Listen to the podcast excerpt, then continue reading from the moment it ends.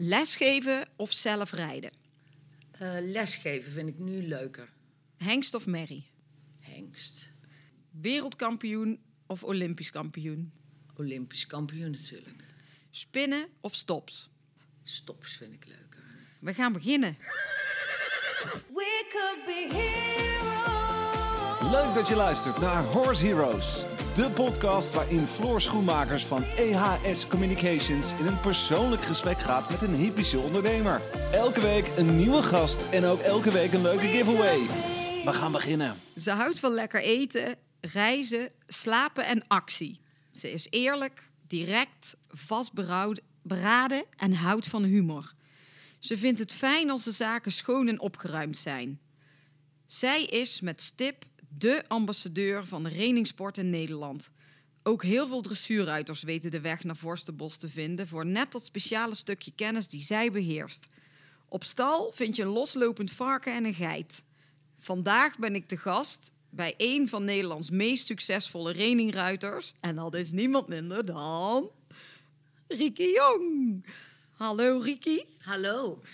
Leuk dat ik eh, op bezoek mag komen weer. Nou, ik vind het hartstikke leuk om te doen. Ja, en eh, je zit hier, eh, we zitten gezellig in de kantine in Vorstenbos met eh, Ted op school. Schoot, niet op school. Ted vindt het altijd wel gezellig. Die, denkt, die heb het liefst dat ik de hele dag niks doe, maar dat gaat natuurlijk niet. Dus die vindt dit fantastisch. Ted, Ted de tackle. Ted de tackle. Ehm Riki, wil jij ehm, wat meer vertellen over jezelf? Wie is Riki?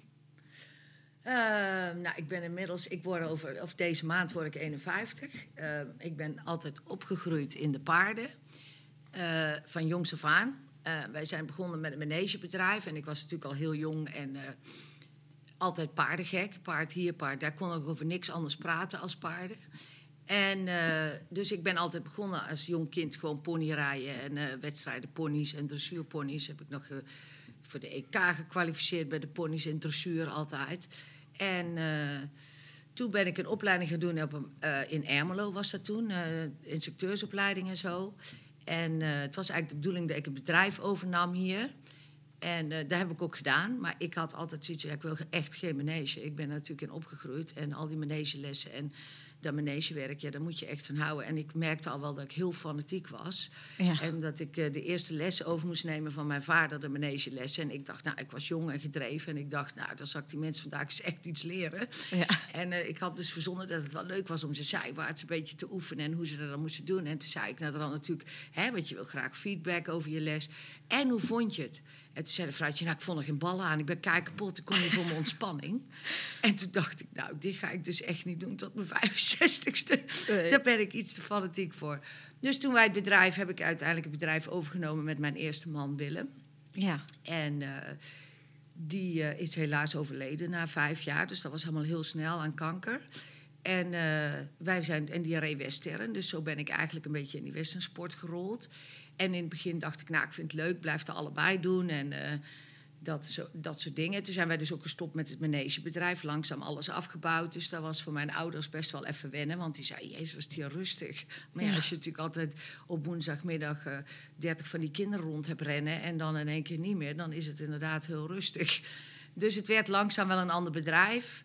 Nou ja, toen overleed mijn eerste man eh, aan kanker. Dus dat was allemaal heel vervelend. En ja, daar heb ik een hele moeilijke tijd gehad. Want dat is echt wel eh, een behoorlijke impact. Ook omdat je een bedrijf hebt en het moet door. Ho- hoe lang is dat nu geleden? Ehm, nou, ik ben alweer 23 jaar getrouwd met, eh, met eh, Dave nu. Ja. Dus dat is al en ik, daar, ik ben twee jaar alleen geweest. Maar je was dus al hartstikke jong Ik was hartstikke jong, ja. Ik, ik, ik trouwde met Willem toen ik 21 was. En toen ik 23 was, werd ik zwanger. En toen heb ik ook gezegd van, nou, die paarden, weet je, die dressuurpaarden, daar wou niemand op. Dus die heb ik toen allemaal verkocht met het idee van, nou, dan koop ik straks alweer een keer een ander paard. Maar ja, toen liep het allemaal anders, want toen eh, verloor ik mijn eerste kind. Toen was ik daarna meteen weer zwanger. Dus dan ben je alweer twee jaar bijna eruit. En toen ehm, eh, werd mijn man ziek. Toen net daarna, toen was mijn kleinste was 2,5. En toen verloor ik mijn man. Jeetje. Ja, dus dan heb je even wel een heel... Ja, dan kan je plannen. Ik ben wel een planner, dus ik had echt zoiets... Nou, ik wil twee kinderen en ik wil een bedrijf... en ik wil eh, naar de wereldkampioenschappen. Maar ja, als dat dan allemaal tussenkomt... Ja, dan word je even op de handrem gezet... en dan wordt het leven in één keer heel anders. En dan vraag je je ook af van... waarom zou ik hier zeven dagen in de week mijn eigen rot te werken en dit te doen? En uiteindelijk is het toch het belangrijkste dat je gelukkig bent en dat je het samen goed hebt. Ja. Dus daar werd toen wel even heel, heb ik echt wel een hele moeilijke tijd gehad. Maar ik ben dan wel een, een taaie, zeg maar. Of ja, zo noem ik mezelf dan altijd. En probeer ook altijd de positieve dingen te zien. Dus ik heb toen gezegd van nou, broekriem aan en eh, gas erop. En, eh, dus toen heb ik heel hard gewerkt om, eh, aan mijn paarden en om daar beter in te worden. En daar allemaal focus op gezet. En ik had natuurlijk een kleine. En toen leerde ik Dave kennen die mij daar ook ontzettend bij geholpen heeft om gewoon dat te doen wat ik graag wou in de sport. Die ging overal mee naartoe. En, eh, En, maar wa- wa- je was... eh, jouw eh, kind was toen 2,5. Het is een, je hebt een zoon, toch? ja, En die was Ik heb- toen... Die, ik heb twee zonen, want ik heb inmiddels ook nog weer een zoon met, met Dave gekregen. Dus, en dat was denk ik allemaal voor mijn 35ste. Ja, Dus, maar ik bedoel, jouw eerste zoontje was toen 2,5. Toen gebeurde dat met Willem. ja, Toen was jij tot 23, 24? 5, 26, zoiets, ja. Jeetje, Mina. Nou ja, en dan ben je dus eh, heel hard gaan werken, moeilijke periode gehad. En toen kwam je op een gegeven moment Dave tegen. Mag ik vragen waar je Dave dan tegen? Was dat ook helemaal in de paarden toen al? Ja, wij gingen naar een jurycursus. En eh, daar heb ik Dave leren kennen. En ik had natuurlijk helemaal geen interesse. Want ik had echt zoiets van... eh, joh, ik heb het hartstikke druk en ik ben hier echt voor mezelf. En dan moet ik er nog een man bij. Dus dat ik helemaal niet op te wachten. Nee. Maar Dave was best wel fanatiek en die hield vol. En toen eh, is Dave, want hij werkte toen in Oostenrijk op een stal. Dus die is toen een paar keer natuurlijk naar Nederland gekomen en ik een keer daar naartoe. En uiteindelijk eh, kwam daar toch wel een serieuze relatie uit. En toen heeft hij eh, in, in principe alles daarachter gelaten en is hij naar mij toegekomen. En ik denk dat we na anderhalf jaar getrouwd waren, zegt iedereen zo vlug. Maar ja, ik ben ook geen mens om alleen te zijn. Daar heb ik dan ook wel geleerd in die tijd. Dus, eh, en daar zijn we eigenlijk het hele bedrijf mee verder op gaan bouwen. Ja. En eh, daarom heet het ook nog altijd Burgmaar Quarterhorses. Want toen, je, ja, ik had zoiets, ja, die naam die, die had ik toen en dat ga je niet veranderen. Dus nu zijn er mensen zo van, ja, laat zeggen, hey, waarom heet het dan Burgmaier? Ja, dat is dus wat ik allemaal meegemaakt heb. En weet je, ik heb ook geleerd, dat hoort bij mijn leven. En daar, ja, daar blijft ook gewoon bij mijn leven. En eh, de, ja, moet ik zeggen, daar, ga ik ook niet, dat kan ik niet veranderen. En Je moet er dan weer het beste van maken. En daar, ja, ik ben dan wel heel positief ingezet. Maar dat is niet makkelijk hoor. Dat moet je wel echt leren. ja, dat snap ik. Helemaal als je zo eh, heel jong bent nog. En in die periode, wa- jouw ouders waren er toen nog. Nou ja, en het geluk was dat ik natuurlijk... We hebben een familiebedrijf. Ja. Dus mijn ouders, mijn broertje, wij zitten allemaal op één hoop. Dus als ik Willem ziek was en ik ging naar het ziekenhuis... Ja, dan zorgden hun dat het allemaal doorliep. En die vingen lessen op en die gingen mee. En, ik bedoel, anders had ik dat echt nooit gered hoor. Dan, dan was dat gewoon onmogelijk geweest. Ja. Nou, en ehm, in de periode toen Dave hierbij kwam, want die is toen eh, vanuit Oostenrijk dus ook hier naartoe gekomen. Ja, die is eh, naar mij, want iedereen zegt, je hebt zo'n mooi land, Canada. Ja, zegt hij, dat is die blonde zijn schuld. dat ik hier ben, zegt hij altijd. En Dave is, ja, hele rustige en een beetje niet sociale man. Maar dat past eigenlijk wel goed, want ik ben heel... Ja, ik was toen helemaal in de gasmode en ik moest en ik zou. En hij zette dan inderdaad af en toe de handrem erop van... hallo, eh, wij gaan met de kinderen op vakantie. En dan zeg ik, ja, maar eh, nee, we hebben gepland, wij gaan. En eh, dus die tegenpool voor mij was toen wel heel goed. Ja. Dat hij inderdaad af en toe de handrem erop zette. En zei gewoon, Dave was echt voor het gezin, voor de familie en voor de kids. En, en ik had het bedrijf. Dus voor mij was dat bedrijf natuurlijk, dat moest lopen. En eh, ja, dat ging door. En Dave was dan de tegenpool. Die zei, ja, wij gaan gewoon lekker op vakantie met z'n viertjes. En ik zei, ja, maar dat, dat weet ik niet of dat wel lukt. Jawel, zegt hij, want ik heb al geboekt, dus we gaan. Dus je Dus moest wel. Dus je moet wel. Ja. Dus dat was voor mij wel heel goed. ja. Dus ehm, ja, da- daarom denk ik ook dat het zo goed klikte met hem. Maar je bent na anderhalf jaar getrouwd. En wanneer eh, kwam de tweede? Ja, was al heel snel daarna. Ik denk een jaar daarna. Dus er zit vijf jaar verschil tussen. Dus Ja. op zich is dat wel heel snel gegaan. Maar ik dacht ook van ja, als ze heel ver uit elkaar zitten... dan nee, maar die kinderen hebben ze die kinderen weer niks. Dus Nee. het is altijd... eh, ja, het liep al helemaal niet volgens plan. Wat Nee. ik natuurlijk had. Dus eh, ik moest even schakelen en draaien.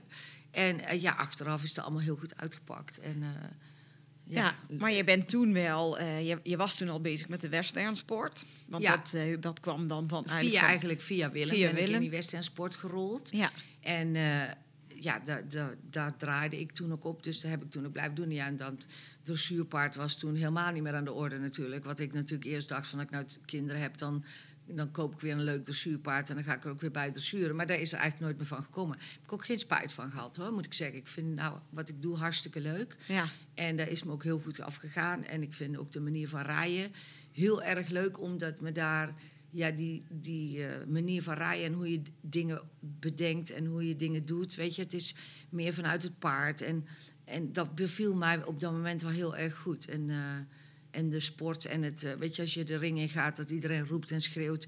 Ja, dat geeft ook wel een bepaalde kick. Dat je denkt, ja, weet je. ja, heel anders. Ja, het is totaal anders. Dus eh, Maar als, we- daar ga, oh, wil ik daar ook nog meer over horen, over, de, over het rijden en over de, over de sport zelf. Nou, als je het bedenkt toen dat tijd, hè, je had dan dus die twee kinderen, je was hier met Dave, jullie hebben dat bedrijf opgebouwd, heb je het over twintig jaar geleden nu ongeveer. Hoe, wat is er toen gebeurd met het bedrijf? Hoe ben je toen verder eh, op gaan bouwen tot waar je nu bent eigenlijk? Nou ja, op een gegeven moment hebben we ook gezegd van nou, we hebben dan zoveel trainingspaarden en je hebt zoveel en je doet eh, lesgeven. Nou, toen hebben we, ik had eerst een meisje die de manegelessen deed. En toen ben ik eigenlijk helemaal gestopt. Eh, toen kwam er hier een manege in de buurt en die begon er net. En die deed ook wel westernlessen. En toen hebben wij gezegd van oké, weet je wat, wij stoppen met al die manegelessen. Dus die paarden die gaan allemaal jullie. Dus we hebben toen een deal gemaakt met hun dat die paarden naar hun gingen. En dan hebben we al die manegepaarden. En dan deed mijn broertje daar nog af en toe lesgeven... om ze in ieder geval een beetje aan de gang te houden. En ook, ja, het western was natuurlijk anders als we hun weer gewend hadden. Dus dat hebben ze een hele tijd gedaan. En ik ben toen hier gaan afbouwen, zeg maar. En meer privélessen gaan geven. En meer sportgericht. En ja, dat je toch mensen meer begeleidt naar wedstrijden. En dat, ja, dat vond ik zelf gewoon ook veel leuker om te doen. Ik was natuurlijk veel te fanatiek eh, om daar te zeggen van ja, leuk, goed zo. Ja, dat had ik na drie keer wel gezien. En ik, ik vind ook, ik, wil, ik ben een heel harde werker, maar ik verwacht daar ook terug van de mensen die dan paardrijden. Als ik dan denk, ja, je hebt de hele week er niet op gezeten. Dan denk ik, wat kom je dan hier doen? Ja. Want dat heeft totaal geen zin. Dus dat, dat stukje, ja, dat, daar verwacht ik wel een beetje terug. Dus als je dat dan niet terugkrijgt, ja, dan wordt dat een beetje vervelend. Dus, en gelukkig heb ik heel veel mensen om me heen gehad die wel ook heel fanatiek waren. En ja, daar bouw je daar dan mee op. En ik heb toen nog jeugdtrainingen gedaan en zo voor de verenigingen en zo. Ja, heb ik nog een stukje in de vereniging mee opgebouwd. En toen ben ik daar weer uitgestapt. Ik denk, dat is het ook niet. Dus je probeert natuurlijk wel van alles. Maar ik vind paardrijden en sport en, en daar echt dat gedreven rijden... dat vind ik nog steeds het leukst. En, en hoe is jouw carrière dan eh, echt ontstaan als in de sport, zeg maar? Want jij bent wel eh, de bekendste zo voor Nederland eh, die deze sport beoefent, denk ik. En, eh, Nou, en toen ik natuurlijk jonger was, ik wou natuurlijk laten zien dat ik eh, net zo goed was als Willem. Want Willem was toen eigenlijk een beetje degene die in Nederland de bekendste westernruiter was. En die was er niet meer. En ik wou natuurlijk wel laten zien dat ik eh dat ook kon. En dus ik heb heel hard gewerkt en geluk gehad dat ik een paar hele goede paarden had. Die mij daar ook, ook, ook dat moet je een stukje creëren, denk ik zelf. ja. Eh, die, waar je dan mee eh, de top in rijdt. En dan eh, krijg je ook weer mensen om je heen die je daar weer verder mee helpen. Die je een paard gunnen en die je mee aan de gang helpen. En ja, daar heb ik gewoon. en daar gingen we heel Europa over, want daar moest je dan wel. Dus dat was ook met de kinderen best lastig. Dus gelukkig had ik een hele goede oma. Ja. Die wel op de kinderen paste. Wat ook heel moeilijk is hoor. Want je, laat, je rijdt s'nachts aan en dan zeg je tegen de kinderen... ja, morgen ben ik weg, want ik ben op wedstrijd, weet je wel. En als je naar Italië gaat een week en zit op school... ja, dat gaat allemaal niet meer. Dus dat is best wel heel moeilijk. Eh, maar uiteindelijk heb je die keuze gemaakt... en dan moet je er ook 200% voor gaan. Dus ik heb heel veel, heel veel wedstrijden gereden. Ja. En ja, ik was natuurlijk heel fanatiek. Dat, ja. dat kan niet, dat, dat bestond niet. Dat moest gewoon. Ja. En eh, op een gegeven moment loop je natuurlijk ook op bepaalde stukken vast. Want ik wou zo graag presteren. Dat je dan je focus ook wel eens verkeerd legt. Dus dan heb ik een mental coach, weet je, je moet daar eens heen. Of, en dan krijg je weer mensen om je heen die je daarbij helpen. Dus eh, ja, je kan dit niet alleen, zeg ik altijd. Dus ik heb gelukkig denk ik ook altijd de goede mensen om me heen gehad. En de goede paarden. Dus dan, ja, dan, dan is het allemaal gelukt en dan is dat fantastisch. En het, het huidige bedrijf, hoe het nu is in deze vorm. Wat eh, doen jullie? Wat, wat is nu? Nou, ik moet dan wel lachen, want ik heb natuurlijk, was natuurlijk helemaal gestopt met dressuurpaarden. Dus ik heb jaren geen dressuurpaard gezien. Nee. En eh, ja, wedstrijd, maar verder niet. En eh nou ben ik weer, weer zover dat ik denk, nou, dat sporten vind ik leuk. Maar heel Europa over weer en iedere weekend weg, dat, nee, dat heb ik wel weer gezien. Dus wat ik nu doe is heel veel lesgeven. En wat ik nu ook heel leuk vind is mensen weer begeleiden. En ik heb nog wel een paar aantal paarden. En ik rijd nog steeds vijf, zes paarden per dag. En dat vind ik ook prima. En dat vind ik ook nog steeds super leuk om te doen. Want ik zou eigenlijk niet kunnen zonder paard rijden, zeg maar. Ook om je stukje gevoel en die connectie te houden, vind ik dat gewoon heel erg leuk. En dan ga ik ook nog wel eens op wedstrijd. Maar die drang die ik vroeger had van ik moest winnen en ik moet... Dat is wel een stuk minder geworden. Maar wat ik wel heel leuk vind is als mensen het nou heel goed doen. Die bij je lessen en die bij je rijden. En, nou, toen ben ik eigenlijk per ongeluk weer in die dressuurpaarden een beetje gerold. Ja. Ja, hoe kwam dat? Dat vraag ik me ook wel even af. Nou ja, dan was natuurlijk eerst... eh, dan komen ze filmen vanuit dressuur of iemand die een blok maakt van... eh, en dan zegt ze, ja, je hebt vroeger ook veel gedressuurd. En eh, zou jij eens niet willen kijken? Want ik heb een probleem met mijn paard. En dan zeg ik, ja, ik wil best wel een keer kijken. En nou ja, dan bevalt dat, omdat je toch net dingen wat anders benadert of bekijkt. En, dus, en, en dan help je één man en dan wordt dan een beetje... In de media wordt daar dan gezegd van, nou, die... eh, hè, ze kijken natuurlijk aan, wat moet je dan bij die Western Ruiter in het begin... en eh, wat ga je daar dan doen met dressuurrijden? Maar ja, ik heb natuurlijk wel een dressuurachtergrond... en paardrijden is paardrijden voor mij. Ja. En eh, dus ja, dan rol je daar weer in en dan van het een komt het ander. Ik zeg al, ik maak echt geen reclame, want ik zet nooit niks op Facebook of zo. Ja, toevallig nu met Dinja, omdat hij de laatste keer... Ja, zo met ik Hermes. dacht, ja, dit kan ik echt niet laten gaan. Nee, dat was Eh, ook maar normaal zeg ik niet, ik doe dressuurles. Of, dus ik denk, ja, dat hoeft, dat hoeft ook niet van mij. Ik vind het leuk om, om serieuze mensen ook weer les te geven... die fanatiek zijn, die gedreven zijn.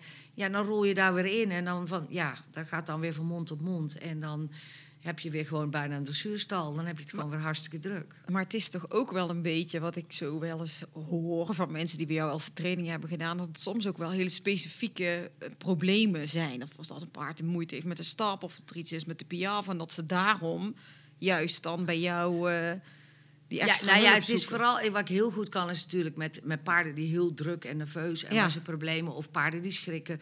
Maar ook gewoon een stukje technische verhaal. Weet je, ik, ik ben er heel erg op dat ze op haar eigen benen moet lopen, dat de aanleuning goed moet zijn. Eh, en ik benader dingen bijvoorbeeld gewoon anders. Ook het sturen eh, zijn gewoon andere dingen. En ik ben natuurlijk vanuit het Westenrij ben ik een stuk rustiger geworden. Dus veel meer, ja, want daar ga je wel heel hard. Maar ik heb daar geleerd hoe sneller je gaat, hoe trager je moet denken en hoe trager je moet handelen. Ja. Dus doordat je dat hebt geleerd, neem je dat dan ook weer mee in dat stukje dressuur.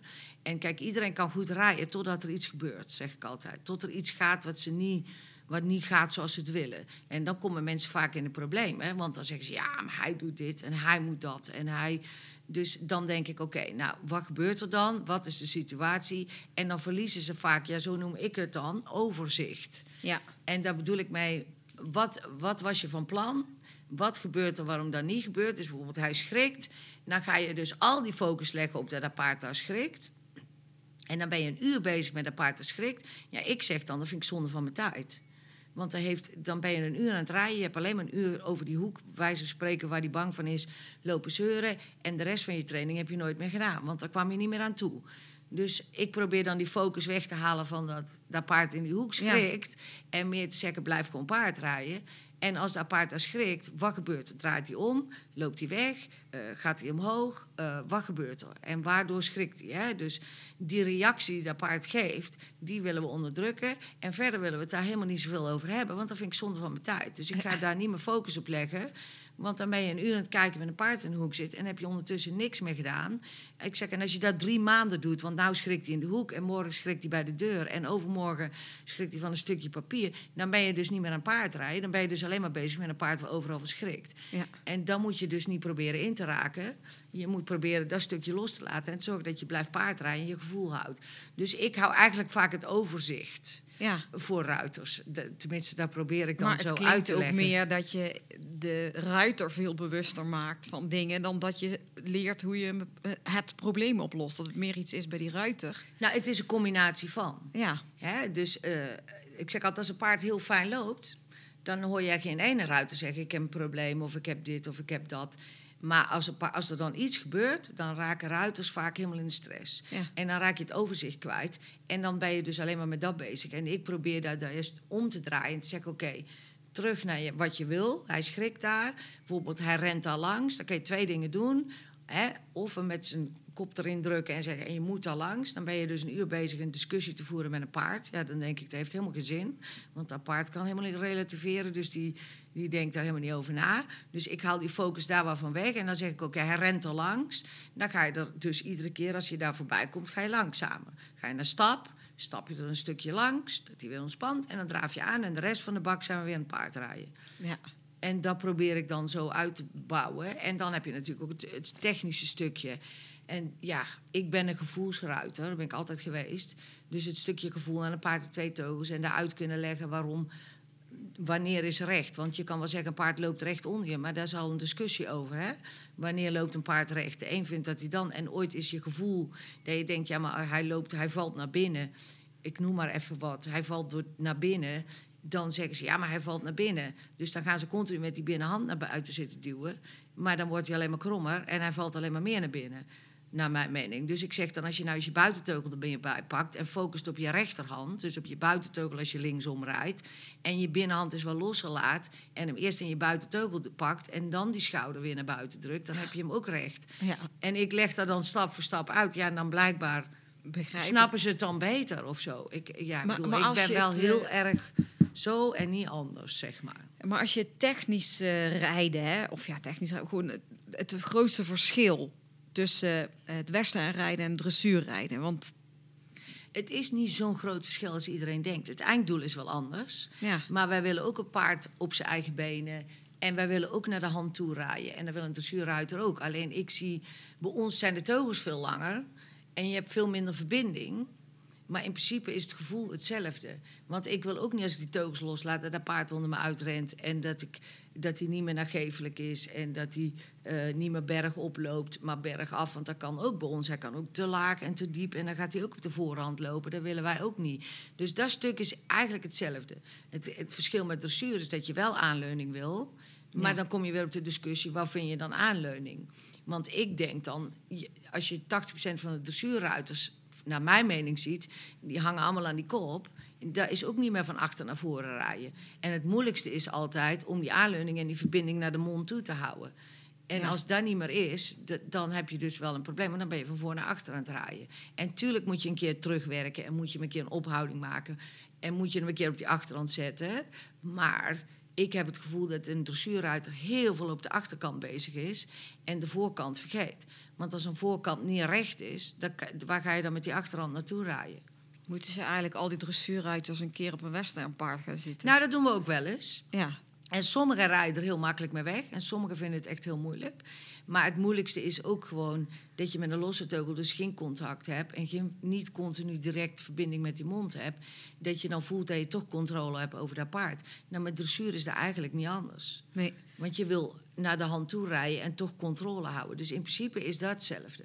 Ja, en jij hebt natuurlijk eh, Nederlands beste dressuurruiter eh, aan, aan de western eh, gekregen toen. Met Ankie eh, heel veel samen gedaan. Ja, dat was gewoon heel erg grappig. Want Ankie is natuurlijk wel eens een paar keer zo voor de lol wezen rijden. En toen belden ze op.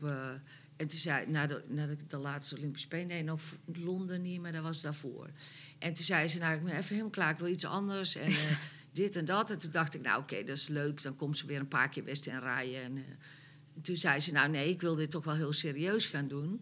En toen eh, zijn we eigenlijk heel serieus begonnen te lessen. En eerst eens op paard van mij. En doe maar eens voelen en doe maar eens kijken. En of je het echt zo leuk vindt. En eh, ja, dat was natuurlijk eh, ja, ontzettend leuk om dat te doen. En toen heeft ze zelf ook een paard gekocht. En nou, zo zijn we verder gegaan. Dus dat is ontzettend leuk om natuurlijk met Ankie daarmee over te, over te hebben. En, en mij mijn sport te mogen laten zien. Ja. En, en daarover te praten. En Ankie vond het ook ontzettend leuk. Maar zei ook, als je dit heel goed wil zijn... en je wil zo goed zijn dat je met de wereld opgaat... dan moet je er ook gewoon 10, 15 uur per dag rijden...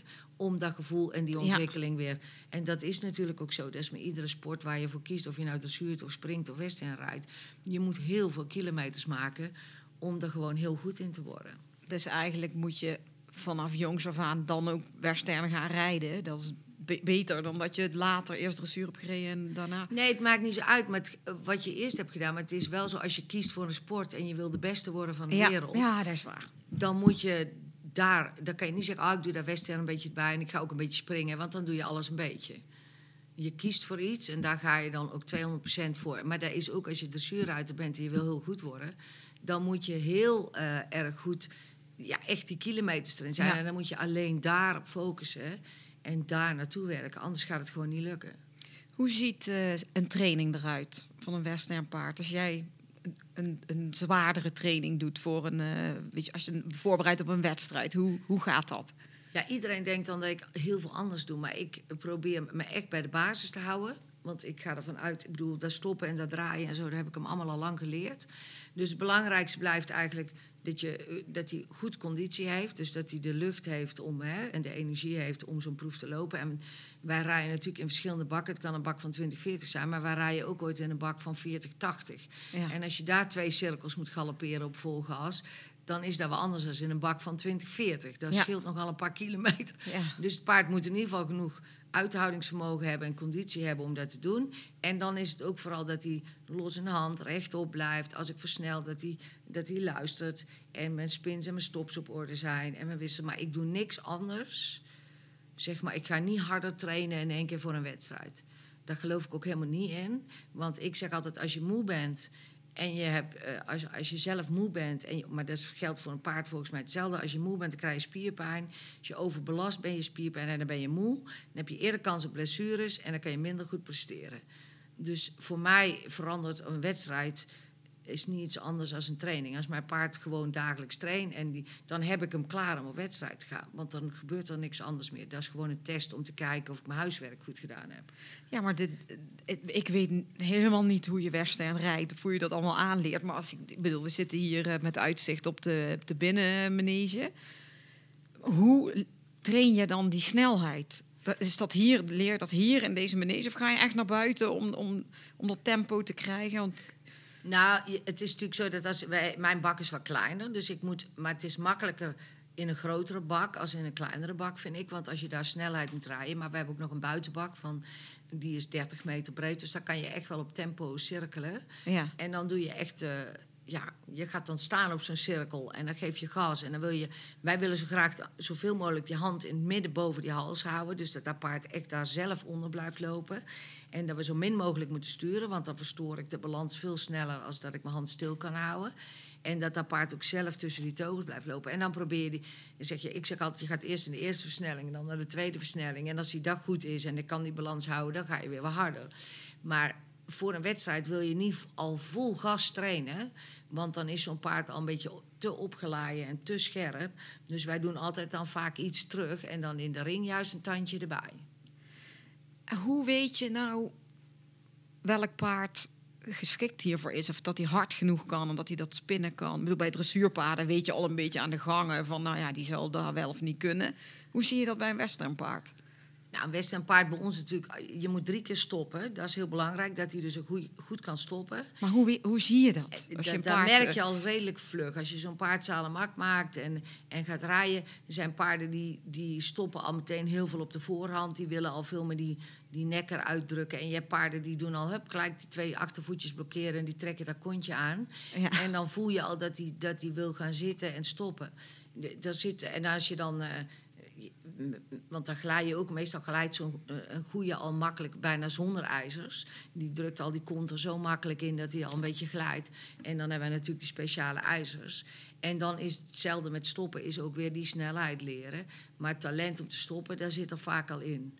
Ja, maar jullie gaan... ehm, ja, als je paarden gaat zoeken, als je zelf paarden selecteert... want jullie eh, ver- verkopen ook paarden, Ja. dus je koopt ze ook in... en dan, wa- waar vind je ze? Waar gaan jullie dan naartoe? Nou, overal. Want ik denk altijd, als je, je kan ze nooit op een vaste plek. En je moet ook een bepaald gevoel hebben bij een paard, denk ik Ja. altijd. Als je een paard koopt. Maar je kijkt natuurlijk wel een beetje naar bloedlijnen. Eh, wel, hoe is die gefokt en eh, dat soort dingen. En een, weet je, je weet ook ondertussen, als je, als je lang genoeg dit doet... welke bloedlijnen een beetje beter bij je passen als andere bloedlijnen. Weet je, houd je van een meer een beetje bloederig paard... of hou je een beetje meer van een koude. Daar is ook verschil in. En dat is met mens ook, denk ik. De ene houdt van een vlugger paard en de andere ja, die, die vindt juist fijn als hij er een beetje aan moet rijden. Dus maar dan ga je wel naar Amerika. gaan- daarvoor, wij zijn of- heel veel naar Amerika geweest en heel veel paarden daar gehaald. Maar Italië heeft ook altijd heel veel goede paarden. En die hebben in de vroegere jaren heel veel goede fokmerries gekocht daar. Ja. Dus die hebben ondertussen ook wel heel veel... Die hebben toen altijd de beste merries gekocht, wat natuurlijk heel slim was. Dus daar kan je ook nog wel heel veel goede paarden vinden. En zelf fokken, doen jullie daar ook nog? eh, Ja, ik heb zelf, ik heb natuurlijk niet genoeg ruimte om echt een groot fokprogramma op te zetten. Ik zou dat wel heel erg leuk vinden, maar daar heb ik gewoon het land niet voor. Dus ik heb een paar fokmerries waar ik ieder jaar eh, een veulentje mee fok. Ja. En ja, dat vind ik gewoon heel erg leuk Ja, ook om te ik. doen. En eh, ik heb een Engelse klant die een paar hele goede hengsten heeft. Waar bijvoorbeeld eh, die laatste die ik nu heb, daar ben ik mee naar de Wereldruiterspelen gehad. En die moeder van, van hem, die eh, is de eerste moeder waarvan de nakomelingen een miljoen bij elkaar gelopen hebben. Dus ja, dat is... Kijk, een hengst is natuurlijk veel makkelijk, want die krijgt veel meer nakomelingen als een. Ja. Maar waar de merrie natuurlijk eh, eh, de nakomelingen een miljoen bij elkaar gelopen hebben, ja, die, die zie je. Ja, die- zij was de eerste in de historie die daar bij elkaar liep. Dus ik heb weer het geluk dat ik toevallig weer een paar hele goede hengsten heb. En ik heb twee volle broers ervan. Dus er zijn ook twee volle broers. De ene is zwart en de andere is geel. Ja, oh, Heel toevallig, ja. En eh, ja, daar zijn we dan nu mee. En dat vind ik dan wel weer leuk om daarmee te fokken. En dan die baby's weer op te leiden en te kijken wat daar. Dat vind ik heel leuk om te doen nou. Ja, dat snap ik. Dat is ook hartstikke leuk. Ja, dat is en, eh, echt heel erg leuk, ja. en Ricky, welk paard is voor jou het meest onvergetelijke paard geweest? Nou, ik heb twee paarden waar, die in mijn leven wel een hele belangrijke rol hebben gespeeld. En dat is Commander Flit Frits. En ja, dat was mijn eerste paard, eh, zeg maar na die moeilijke tijd, die mij eigenlijk er doorheen hielp. En die altijd er was voor mij. Eh, waar ik ook eigenlijk van alles mee gewonnen heb. En de laatste die ik eh, heb gehad is Burn Starlight. En die heb ik nog steeds, die is nu 23. Oh, ja. En die staat hier nog steeds op stal. En die vindt zichzelf nog steeds fantastisch. Eh, dus dat moet ook. Dat vind ik zo ook heel belangrijk. En ja, daar zijn twee paarden ja, die je dan in tijden waar... Ja, vooral ook omdat het in die tijd was het voor mij heel moeilijk. En dan ben je zo daarop gefocust. En als die twee paarden dan ook nog net zo hard voor jou willen gaan als Ja. jij voor hun... Ja, dan is dat natuurlijk fantastisch. Ja, is, Ja, dus die vergeet je ook echt nooit meer. Die blijf je altijd bij. ja, mooi verhaal. Ehm, en het meest memorabele moment in jouw carrière? Kun je daar eh, iets over vertellen? Ja, ik, ik ben altijd heel erg slecht in datums en jaren en tijden en zo. Ja. Dus ik heb, ja, er zijn, ik heb gewoon het geluk gehad, zeg ik altijd, dat ik zoveel leuke dingen heb mogen doen. En, en nog steeds mag doen. Want nou ga ik dan weer in die dressuurpaarden en dat lukt dan. En dat vind Ja, ik dan ook superleuk. heel erg leuk. Maar op een andere manier. Maar ik heb natuurlijk zoveel leuke... Ik ben naar Amerika wezen rijden en dan moest je daar op een paard van iemand anders. En ik ben naar Italië wezen rijden en dan won je daar. En weet je wel, ja... en dat ze gewoon de tribune afbreken en dat je dan denkt, wauw, weet je wel. Ja, want dat Ja, sfeertje is wel dat heel sfeertje anders. is wel heel erg anders. En dat, ja, dat reizen en die tijden, dat je daar zoveel wedstrijden hebt gereden en dat je dan zo goed mee kwam en dat die paarden er altijd waren voor je. Dat, ja, daar zijn zo, alles daar is leuk. Dan Ja. heb ik niet één moment dat ik denk van, nou nee, dat, eh, dat vind ik het mooiste. Nee, ik denk het hele, het hele traject en alles wat ik daarin heb mogen doen. Ja. Ik denk dat ik dat het allerleukste vind. Ja. En dan gaan we even terug naar eh, iets meer dan een jaar geleden nu. Maart 2020. Toen kwamen we natuurlijk in lockdown, corona brak uit. Weet jij nog waar jij eh, mee bezig was in die periode? Ik was, eh, ik was naar Canada geweest, naar de familie van Dave. Eh, dat was net daarvoor. Dus wij waren volgens mij net, want daar waren we al negen jaar niet geweest. Dus dat was echt schandalig, vonden wij. En het was hoog tijd dat we daar Net op naartoe... tijd ook. Ja, dus dat we daar naartoe gingen. Dus dan had Dave ook gezegd, we gaan naar de familie. Er kan gebeuren wat er wil. Dus in februari... Dus wij kwamen net terug. Ja, En, eh, en toen, ja, corona, ja, weet je, daar hadden we nog helemaal niet van gehoord. En toen, ik denk twee weken toen we thuis waren, toen brak de hel. Want wij zaten natuurlijk midden in het eh, centrum hier van corona. Eh Bernhoven, dat ziekenhuis, dat ligt vijf minuten bij mij vandaan. Heel Vorstenbos, eh, waar ik woon, ja, daar waren heel veel mensen ook ziek. En het was hier echt, je hoorde de hele dag de ambulances rijden en de helikopters doen. Dus je dacht, jezus, dat is toch wel eh, heel erg allemaal hier. ja. Maar ja, ik zit natuurlijk een beetje op mijn eigen eilandje. Tussen mijn paarden en ik kom niet zoveel op de harde weg, zeg ik altijd. Dus ja, dan heb je er wel minder last van. Maar mijn zoon had bijvoorbeeld een, eh, een jongen en die was hartstikke jong. En er was een collega van hem en die werd ziek, griep, ja, naar huis. En die bleek dus corona te hebben. En die jongen is nooit meer terug geweest op werk, 43 jaar oud. En dan denk je, Jezus, dat is wel heel erg. eh, en mijn zoon was daar e- echt wel een beetje van ontdaan. Want ja, Ja, weet je, toen was het ook allemaal nog net. Dus je beseft ook niet dat je daar zo snel aan dood kon gaan en alles. Dus mijn zoon, die, eh, die zat daar best wel mee. En ja, dan komt het ook weer dichterbij. Dus we hebben er echt wel middenin gezeten. Ja. En dan realiseer je wel hoe erg het allemaal is. En hoeveel mensen er echt ziek zijn geweest. Ja, en ik heb wel het geluk gehad dat ik, natuurlijk, dat ik hier bij de paarden was. En dat wij gewoon mijn werk kon doen. En dat ik niet de hele dag in het huis zat te wachten wat er nu allemaal weer was. Nee. En eh, dus ja, ik kon gewoon fijn mijn hoofd toch leegmaken. Want als je dan paardrijden bent, dan ben je het toch allemaal even kwijt. Ja, dat geluk heb ik eigenlijk gewoon gehad, denk ik, al die tijd. Ja, daar hoor ik wel van meer mensen die in de podcast zijn, inderdaad, die met de paarden aan het werk zijn, dat je toch eh, ja, je eigen wereldje een beetje hebt. En privé, qua corona, heeft dat corona, heeft het eh, ook dingen veranderd voor jullie? Heb je nieuwe hobby's op nagehouden? Want je hebt natuurlijk meer tijd eh, overgehouden waarschijnlijk dat het hier wat rustiger was op het bedrijf. Wij vonden die vrije tijd wel een beetje fijn. Ja, Avondklok om negen uur, ik vond dat helemaal niet zo erg. Nee. En heel veel mensen wel, want ja, nou ben je dus verplicht om te stoppen. En anders doe je nog even dit en dan doe je nog even dat. En dan ben je nog daar even bezig. En ja, dat les, die les kan nog wel, dat doen we nog wel. Ja, nu moet je gewoon stoppen. Dus het, ja, voor ons was het wel even lekker, zo een beetje rust. Ja, dus het was... eh, ja, wij merkten dat. Ja, wij gingen natuurlijk ook graag een keer uit eten en dat soort dingen. Ja, dat, dat gaat dan niet. Maar ik, mijn man is gelukkig een hele goede kok. oh ja. Dus ja, die kan heel goed koken. En eh, die vindt het dan nog leuk om een keer de barbecue eh, aan te zetten en een keer iets lekkers te maken. En, en het weekend een keer wat extra's te doen. Dus ja, dat was wel heel. Ja, voor ons was het eigenlijk wel heel gezellig. En dan deden we met de kinderen nog een keer. eh, Iets extra's, weet je wel, gezellig. En dat je dan, ja, dus voor ons, wij hadden eigenlijk meer tijd. Dus het was Ja. eigenlijk wel gezellig. Ja, gewoon alles wat, eh, wat Ja. rustiger en eh, met je eigen gezin. Ja, Wat eh, was voor jou afgelopen jaar het hoogtepunt? Is er iets gebeurd waarvan je denkt, nou, dat, dat was... ja, niet zoveel, want we mochten nergens heen. Nee, Dus we zijn nergens geweest. maar Dus iets, we- dat je iets raars hebt verzonnen, iets bijzonders hebt gedaan... wat je eigenlijk anders helemaal niet had gedaan... maar nu door de corona op een andere manier... Nou ja, ik ben met Dinja mee geweest op een dressuurwedstrijd. Ja, Dat was wel heel lang geleden, waar de top van Nederland reed. Dus dat was eigenlijk wel weer heel leuk om daar... Voor mij was dat wel een uitje. Ik dacht, oh, dat is wel leuk. Dan kan ik een keer weer naar de naar wedstrijd. En dan kunnen we daar, weet je wel. Dus dat vond ik wel heel leuk om te doen. En verder heb ik eigenlijk niet zo heel veel spannends gedaan. Nee. Ik heb eigenlijk mijn saai leven. nee, nou niet echt, denk ik. Niet echt, maar... En, maar nu zijn er natuurlijk ook helemaal geen, eh, geen wedstrijden of geen evenementen die er komen. Is dat voor jullie ehm, heel nadelig in de trainingen met de paarden? Nee, mensen trainen toch gewoon door bij ons. En die willen toch vooruit. Ja, die, die willen allemaal graag een wedstrijd. Dat is natuurlijk logisch. Ja, Maar, eh, en we hebben wel wel online wedstrijden gedaan, maar daar vind ik echt helemaal niks aan. De, de- voor mij is het ook geen wedstrijd, want dan kan je zoveel smokkelen en zoveel eh, doen. Dan denk ik nee. En je hebt ook niet het gevoel van, nou, ik kom ergens aan, ik moet losrijden. Hoe lang ga ik dan losrijden? Wanneer ga ik dan. Dus Nee, voor je mij is ook dat, de hele eh, dat vind ik, eh, nee, dat vinden en bij ons, dat wordt ook niet geroepen, dus dat is helemaal saai. Dus nee, dat was, dat was het voor ons niet. Dus, maar die mensen, die klanten willen wel graag weer een wedstrijd. En ik vind het ook wel weer leuk om ergens dan weer naartoe te gaan. En gewoon weer iedereen, weet je wel, meer te zien en alles weer even bij. Ja, dat mis je natuurlijk wel. ja. Of dat vind ik dan wel. Dat, weet je, als je wedstrijd komt, je die weer even bijbuurten, dat weer even doen. eh.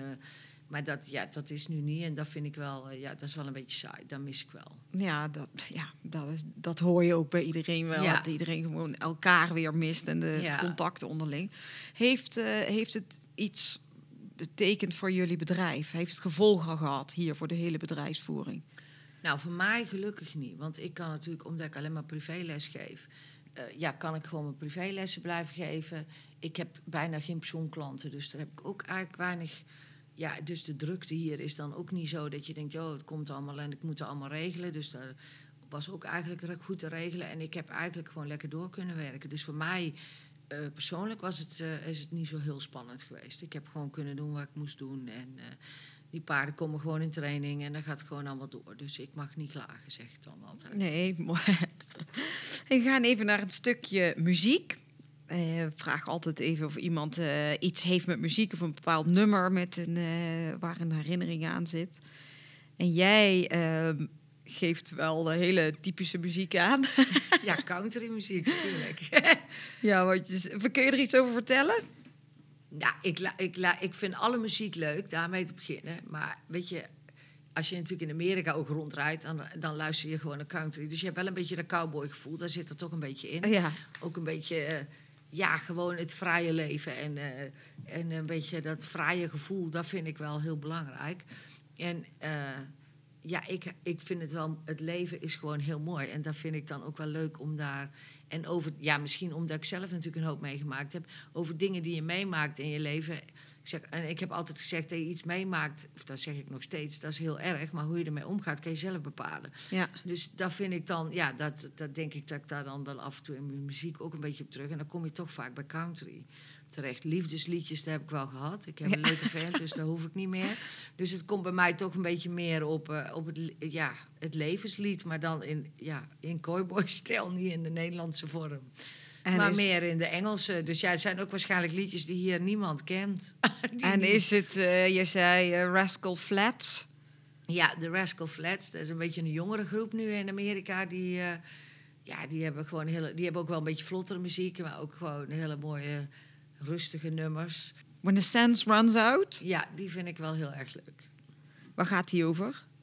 Ja, dat gaat echt wel over, over het, het, levenslied, zeg maar. Dus het gaat een beetje over eh, ja, wat je meemaakt in het leven en hoe je daarmee omgaat. En ja, dat vind ik, ja, het komt dan toch weer op daar neer. Ja, maar eigenlijk over dat je wel een beetje positief, eh, Absoluut, ja. Altijd positief, ja. positief vooruitkijken. ja. I'm gonna stop looking back and start moving on and learn how to face my fears. Love with all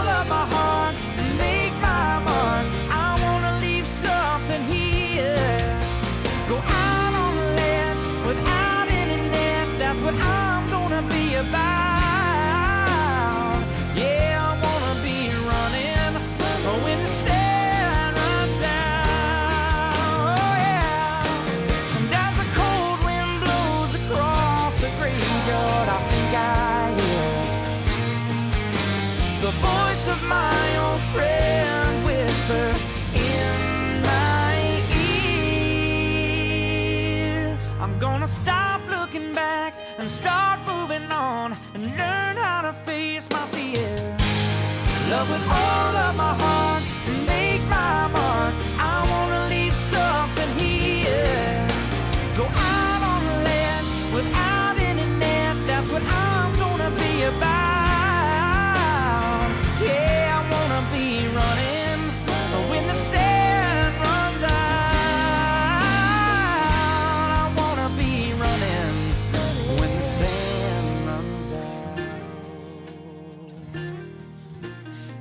Hebben net eh, een nummer gehoord waar eh, het positieve weer uitgaat. Dat je vooruit moet kijken en eh, het, het positieve van het leven moet blijven zien. Want dat is ook wel iets wat goed bij Ricky hoort. Ricky, je gaf ook nog aan, ehm, je bent, ehm, je houdt van actie en je houdt van slapen. Ja, er zijn twee tegenoverstellingen. Nou ja, weet je, omdat je altijd heel druk bent. En ik hou wel van, ik zou helemaal gek, als ik bijvoorbeeld eh, de hele dag binnen zit, zou ik helemaal gek worden. Ik moet wel echt iets doen. Ja. Maar dan vind ik het ook wel lekker om een keer gewoon heel luid te zijn. En gewoon bijvoorbeeld een keer gewoon in mijn bed te blijven liggen en helemaal niks te doen. Een lekkere ook- verveeldag. ja, dat vind ik ook wel heel fijn. Dus ja, het, het zijn eh, twee dingen die misschien haaks op elkaar staan. Maar ik, ja, actie vind ik sowieso leuk. Dat blijkt ook wel uit mijn rijden, want dat Western is natuurlijk Ja, een beetje gas actie. erop. Maar ook, weet je, ergens eh, bovenop klimmen of ergens, weet je... Dat, want ze zei wel zoiets, wat zou je gaan doen als je niet zou paardrijden? Ik zei, nou, zou ik denken op de eerste hulp werken of zo, weet je. Ik moet Ja. iets van actie of... Dus ik moet daar wel kwijt kunnen. Maar dan vind ik het ook wel lekker als ik dan een keer niks heb... om gewoon te zeggen, nou doe ik ook echt helemaal niks. Hey, en over actie gesproken, hier eh, vandaan eh, komt natuurlijk ook de Future Guys. Ja, ja. Wil je daar eens iets over vertellen? Wie dat zijn en wat die doen? En... Nou, ik heb vroeger natuurlijk ook in de Future Guys gezeten. Want toen mijn vader ermee begon, hadden we een, een soort stuntgroep. En ik was natuurlijk overal wel voor in. Ik vind ook alles met paarden heel erg leuk. Dus dat ook. En eh, ja, daar zijn een groep jongelui die dus nou eh, ja, soort stunts op het paard uitvoeren. Ja. En eh drop eroverheen, op de kop. en alles snel achter elkaar, op hoog tempo. Ja, het is gewoon heel spectaculair. Ja, ik heb het zien. gezien. Het gaat knijterhard. Ik, elke keer denk ik, oh, hoe durven Ja. ze dit? Ja, het is heel erg leuk om te zien. Maar Ja. het is ook gewoon... ja, voor de jonge lui is dat gewoon heel goed. En je wordt er wel heel vrij van op je paard. En het is gewoon een hele leuk. Weet je, iedereen vindt dit leuk. Of je nou wel van paarden houdt of niet van paardensport. Maar iedereen vindt dat leuk om dat te zien. En want het is gewoon even helemaal los, Ja. actie. En ja, dus daarom is het gewoon heel leuk om naar te kijken ook, denk ik. En dat doen tijdens evenementen natuurlijk vaker. In het showblok of zo. Of gewoon Ja. als hoofdact Ja. kwamen zij. ja, eh. ja. En zijn dat allemaal jullie paarden? ja, mijn broertje doet dat, Arthur van Os. Ja. Die, eh, die doet het stuntteam leiden en die, die, die heeft ook zijn paarden daarvoor. En die jongens die, eh, die komen eigenlijk, ja, iemand die het leuk vindt om dat te doen. En ooit denken ze dat ze het heel leuk vinden en dan is het toch niet zo leuk. Dat Nee. heb je ook. Maar op een gegeven moment blijft er toch een clubje over wat echt heel fanatiek daarin is. En die, het dan En die heel, trainen hier. Hij ja, traint die hier. trainen hier altijd op dinsdagavond, normaal gesproken. Eh, met de corona was dat natuurlijk ook een beetje lastig, Ja. want hun zijn altijd met z'n zessen. En ja, dan moet je toch een beetje oefenen. Maar eh daar heeft hij eigenlijk wel goed opgelost door het een beetje te splitsen en andere dingen eromheen te doen. Dus ja, eh, maar ja, voor hun is het natuurlijk heel saai, want er zijn geen evenementen. ja, dus ze Dus trainen. is, eh, ja, ze trainen niks. nu eh, ja, om beter te worden. ja, om niet- beter te worden, maar, niet om het te laten om- zien. Die jongens zijn wel toe aan een evenementje, denk ik. Dat Het wordt snap ik. hoog tijd voor hun dat er weer wat gaat Maar daar komen. loopt er eentje tussen, die ik dus helemaal geweldig vind. Heather. Heather, ja, Heather is ons muildier. Ja, die is ook ontzettend leuk. Zij is echt fantastisch. Ja, En ze is heel eigenwijs, maar heel lief. En toch ook heel zacht. Maar eh, ja, het is... eh en 's morgens dan loeit ze en hinnikt ze tegelijk. Dus dat is ook altijd wel leuk want hoe kom je nou aan Heather? Ja, weet je, als je al zo lang paarden hebt, dan, eh, en, en dat is ook weer in Amerika, zie je ze toch wel meer als dat wij ze hier zien natuurlijk. En daar worden ze ook nog regelmatig voor van alles en nog wat ingezet. Maar de, de papa is een, een ezel, of de moeder. De mama is een paard en de vader is dan een ezel. Ja, Ja, ze zijn ook niet meer vruchtbaar, dus je kan er niet meer mee doorfokken. Het is Nee. een eindproduct. Maar ja, Heather ook, ze heeft zulke grote oren. En ja maar even als omschrijving, want ze is bruin, ze is groot. En ze heeft vlekken. Mega en ze oren. heeft echt hele grote oren. en dan heeft ze van die ogen die je zo kijken van... eh, eh, was het met jou in de hand? Sta je mij nou uit te lachen of zo? Ja. Maar eh, ze, is, ja, ze is gewoon ontzettend leuk. En ja, een muildier is toch... kijk, een paard die panikeert, hè? Die gaat als er, dat is een vluchtdier. Ja. Maar een, een muildier blijft gewoon staan. Als er paniek is, blijft hij stilstaan. En dan denkt hij, ik wacht wel even tot het voorbij is... en dan gaan we wel weer verder. Dus dat is wel het verschil tussen een paard... en in het begin moesten we ook wel lachen... want mijn broertje ging hem zadelmak maken... En dan stond de deur open. Je hebt hem als, heb je hem als jong paard uh, hij heeft hem echt als jong paard eh, hierheen gehaald. En hij was toen ook nog niet zadelmak. Dus wij moesten hem ook zadelmak maken. Wat natuurlijk ook anders is een paard. Maar dat ging eigenlijk allemaal heel goed. Wat dan? Wat dan? Maar de weten. stuurbekrachtiging was een beetje het probleem, zeg maar. Dus dan had hij weer een eentje verder staan, want buiten. Dus dan zei hij, nou, ik ben weg, hè. En dan zei ik, ja, dat is goed. En mijn paarden moesten in het begin ook echt even kijken, zo van, was, Was dit? Er klopt hier iets niet, weet Nee. je wel. Maar die zijn er ondertussen ook aan gewend. Maar dan ging hij naar buiten en dan zei hij, ik ben weg, hè. Ik zei, ja, is goed. En dan na vijf minuten kwam hij terug, want Herder besloot dat ze helemaal nog niet toe was om naar huis te gaan. Oh. En, dan, en dan zei hij, ja, ik heb een beetje technische problemen. Ik, ik ga het nog een keer proberen. Dus dat duurde ooit drie keer voordat hij hem dan thuis had. Dus dat was heel erg grappig. Ik zeg, ja, dan is het wel echt een ezel. Maar Dan- in, in zo'n team, want die gaat mee met het showteam. Ja, maar kan die die, dan ook net zo hard en alle... Ja, ze gaat wel iets minder hard, denk ik, als de rest. Maar ja, het is natuurlijk gewoon zo'n leuk beest om erbij te hebben. Ja. Ze, ze, het is toch de attractie van, eh, van de Future Guys. Hoor. Ja, ik vind haar Ja, echt helemaal ja. geweldig. Maar ja, goed, er lopen hier wel meer eh, attracties op stal. Er kwam een geit tegen en een eh, varken. Ja, ja, ik vond het wel leuk om een varken te hebben. En ik vind het dan ook wel leuk. Maar ja, ik had dus nog nooit een varken gehad. En mijn buurman die had babyvarkentjes. Dus daar dacht ik, oh, dat is wel leuk. Dus toen heb ik voor mijn verjaardag zo'n klein varkentje gegeven. En een geit, ja, dit is een heel apart verhaal. Want ik heb altijd een geit gehad. Toen ik het overnam hier had ik al een geit. En toen zei ze, ja, een geit houdt de ziektes van de stal. Hadden ze mij toen wijsgemaakt. Dus ik dacht, ja, dat zal dan wel... Maar op een gegeven moment werd die geit oud en die geit ging dood. Ik dacht, nou mooi, daar ben ik vanaf. Want, hè, maar toen het jaar erop, ja, ik had zoveel ellende. De ene part ziek, de andere brak zijn been. Allemaal van die rare dingen. dat je Oh, dacht, jij denkt, ik op moet een niet gegeven moment dacht ik, ik blijf gewoon stilzitten op de stoel. Dan kan er niks meer gebeuren. En toen zei iemand, eh, toen was ik jarig en zei iemand, wat wil je? Ik zei, nou weet je wat, ik wil eigenlijk wel weer een geit. Want dit eh, is het ook niet. En sindsdien heb ik dus een geit. Dus dat is ook een stukje bijgeloof Ja, dat ik dan denk, een geit houdt de ziektes van de stal weg. En ik moet zeggen, dus ik heb die geit weer terug. En tot nu toe, eh knock on wood, maar eh, gaat alles weer Hoe goed. lang is, de, is een meisje ook, hè? De geit? Ja, Mary Lou. Oh, Ze hebben ook allemaal namen, hè? want dat hoort wel. Mary Lou en eh, het varken heet Tiffany. Tiffany. Ja, ja. Dus, en ja, die hebben hier een geweldig leven, want die doen precies wat ze zelf willen. Hebben het ook helemaal en georganiseerd. ze lopen ook los. Ja, wij laten ze los. In het begin, als ik ze dan heb, dan doe ik ze in de stal en dan doe ik ze s'avonds los. Nou, en op een gegeven moment, ja, dan krijg ik ze gewoon de hok niet meer in. En dan denk ik, laat maar lopen. En dan lopen ze eigenlijk gewoon de hele dag los.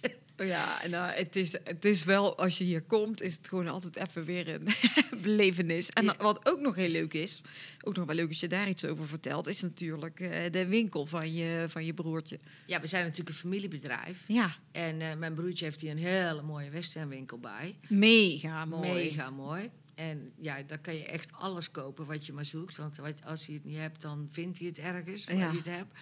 En eh, ja, daar, is ook het leuke dat we natuurlijk allemaal op één bedrijf zitten. En het leuke van, ja, wat ik denk van dit bedrijf is... dat als je hier binnenkomt, ben je ook echt even weg. Je bent Ja. even in een andere wereld. Mijn broertje heeft die winkel, de paarden, we hebben een vark. Dus je bent gewoon echt even in een andere wereld. En even weg van alles ellende, zeg ik altijd. En Ja. gewoon eens even helemaal vrij en weg. Nou ja, dat is ook een beetje de sfeer die wij graag creëren. Ja, dat doet die winkel natuurlijk aan bij. Eh, Ja, maar die is winkel, weet fantastisch. niet, ja. Ik bedoel, ik wist dat er een winkel was toen ik hier de eerste keer kwam. Dacht echt, wauw. Want hoeveel soorten zadels zijn er bijvoorbeeld Nou, al? ik denk dat hij 300 zadels Ja. hebt.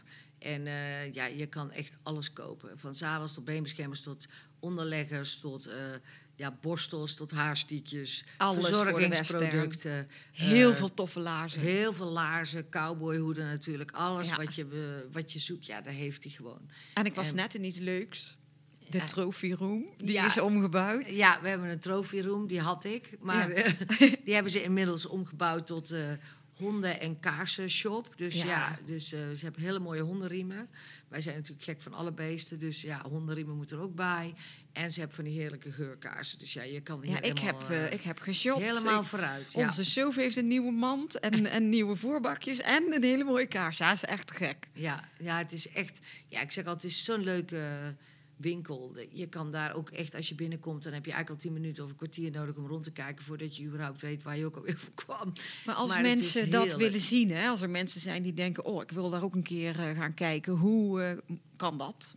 Nou, als je naar de winkel wil, is het handig als je op Arthur's Western Store eh, kijkt. Dan kan je daar een afspraak maken online. En eh, ja, mijn Facebookpagina is Rieke Jong en daar kan je mij goed vinden. Stuur mij een messenger of zo als je denkt, eh, ik wil eens een keer langskomen kijken of hoe dan ook. Ja, dan ben je van harte welkom. En, Wij zijn Brabanders, dus wij zijn heel gastvrij. Koffie Ja. en zo staat klaar.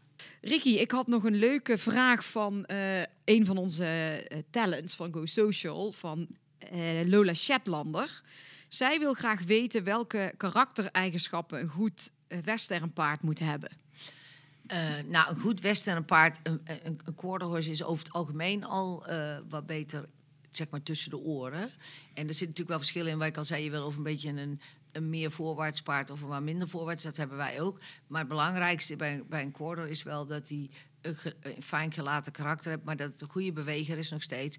Maar wel ook dat hij zich makkelijk laat trainen. Dus dat hij meegaand karakter hebt. Dat hij ik denk dat dat bij ieder paard wel heel belangrijk is. Maar zeker bij een quarter, want als je natuurlijk een losse teugel hebt...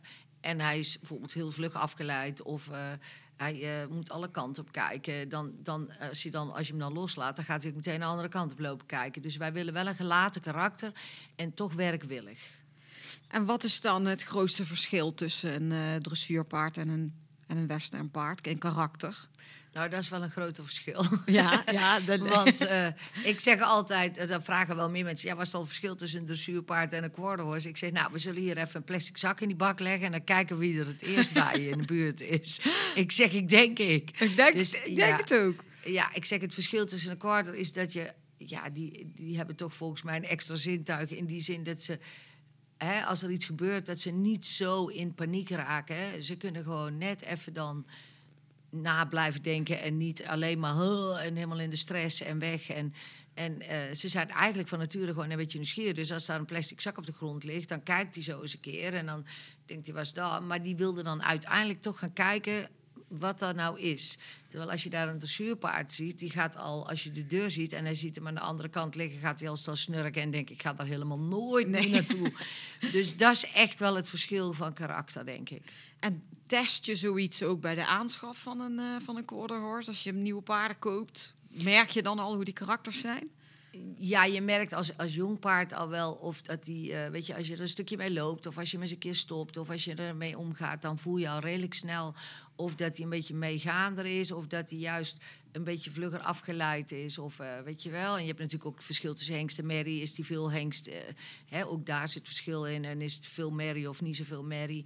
Maar in principe merk je al redelijk vlug of het hier meegaand is. Wij zalen mak maken en hij wil gewoon gelijk blijven rondlopen. Of je hebt er een die al in iedere hoek denkt, nou, ik hou hier even in. Bijvoorbeeld, dat is maar een heel simpel voorbeeld. Maar daar voel je al wel aan of je toch een beetje een meegaander karakter hebt... of een paard hebt waar denkt, nou, als het even niet hoeft, dan misschien nou even niet. Nee. Nou, leuk. Goed om te horen. Even, ga nog even een paar dingen vragen. Als we kijken naar ehm, over tien jaar. Wat ben je dan aan het doen? Wat Over- zou je graag willen doen? Over tien jaar, dan wil ik het wel iets rustiger hebben, denk ik. Dan ben ik eh, voor het 60. Nou, dan vind ik het leuk om nog steeds les te geven en een beetje paarden te doen. Maar dan eh, het bedrijf en zo. Ja, mijn kinderen hebben totaal geen interesse in paarden, wat ik natuurlijk heel jammer vind. Maar Alle, oh nee, allebei, allebei niet. Dus ja, dan, dan denk ik niet meer dat ik dat bedrijf nog zou willen. Maar ik denk wel eh, dat ik nog steeds met paarden van alles doe. En eh, dat we dan misschien ook iets vaker de familie gaan bezoeken. Ja, en dat weer een soort keer naar dingen. Canada. Ja, dat we iets vaker gaan. Ze vindt de familie daar ook wel heel erg leuk. Dus dat soort dingen, ja, dat, dat zie ik mij over tien jaar wel doen. En is er nog iets wat jij heel graag zou willen leren? Ik zou willen leren. Nee, want ik denk dat ik alles al kan. Nee, is flauw. ik mag van Dave in ieder geval niet gaan golven. Oh, nee. want hij zegt, jij bent zo dat als ik dan iets niet kan, dan moet je dat kunnen. Dus dan krijg je nooit meer van die golfbanen af, zegt hij. Dus dat is ook geen hobby voor mij, zei hij. Dus ja, nee, ik heb niet echt iets. Ik vind alles leuk. En ik heb een heel fijn leven. Dus alles wat ik nu doe, vind ik al heel leuk. Dus ja, ik ben eigenlijk gewoon een handig, gelukkig mens, zeg maar. Ja, nou mooi. Hey Ricky, super bedankt dat we eh, vandaag die podcast met jou eh, op mochten nemen. Hartstikke leuk verhaal. Ook te horen wat meer privé over jou, eh, wat misschien niet iedereen al wist. En we doen ook altijd aan het einde van de podcast een giveaway voor de luisteraars. Dus heb jij misschien ook iets leuks wat we weg mogen geven? Ehm, nou, als je wil... Het, varken. Nee. Het nee, ritje op herder. Dan krijg ik, eh, dan krijg ik echt ruzie hier. Dan wil ik winnen. Dan win, dan win ik zelf als dat de prijs is. En herder, ja, dat weet ik ook niet. Dat zal ook nog wel niet gaan. Eh, misschien heb je zin in een leuke les. En eh, geef ik een lescadeau. Ja. En dan kunnen ze zich aanmelden bij jullie. En dan hoor ik wie er gewonnen heeft. Ja, wat, wat je dan moet doen als je kans wil maken op een les van Riki en kijk je hier op het bedrijf, is een opmerking achterlaten op Facebook of Instagram op, bij de post van vandaag. En eh, het zou ook heel fijn als zijn als je een beoordeling wil achterlaten op Apple Podcast. En dan gaan wij eh, kijken wie we de prijs geven. En eh Riki, wil je nog één keer zeggen waar ze jou kunnen vinden? Ze kunnen mij vinden in Vorstenbos op Heuvel 18 Nee, ik bedoel op Facebook. op Facebook. Oh, ik denk je moet mijn adres hebben. Nee. op Ricky Jong. Op Ja. zijn Engels. Want dat gaat ook nog wel eens fout. Omdat ik natuurlijk een Engelse achternaam heb. Ja. Dus eh, jong met eh, Griekse ei. Dus want als ik, daar moet ik altijd op letten. Dan denken ze de jong. Maar dat is het niet. Het is echt op zijn Engels. En eh, daar kan je mij vinden. En als ze naar de shop willen, bij Arthur's Western Store kijken. En inderdaad, op Arthur's Western Store. Dan Ja. kan je ons altijd vinden. Ik vond het hartstikke leuk, een hartstikke leuk verhaal. En eh, Ted is de hele tijd gezellig op schoot erbij blijven zitten. Die vindt het fantastisch. Ja, die denkt, eh, buurt nog maar even verder jullie. wel gezellig zo op schoot. Riki, hartstikke bedankt voor het meedoen eh, aan de podcast Horse Heroes. Heb jij nog eh, iets leuks wat je wil zeggen tegen de luisteraars ter afsluiting? Nou, geniet lekker van de paarden en de paardensport. En ik hoop dat we snel weer lekker op wedstrijd kunnen en weer vooruit kunnen. En dat je elkaar weer live kan zien. Nou, daar zouden we even aan toe zijn. Dat zou wel gezellig zijn. Nou, dit eh, was hem weer, de podcast Horse Heroes. Deze keer met Riki Jong. Bedankt voor het luisteren en tot volgende week met weer een nieuwe gast. Doei! We could be heroes.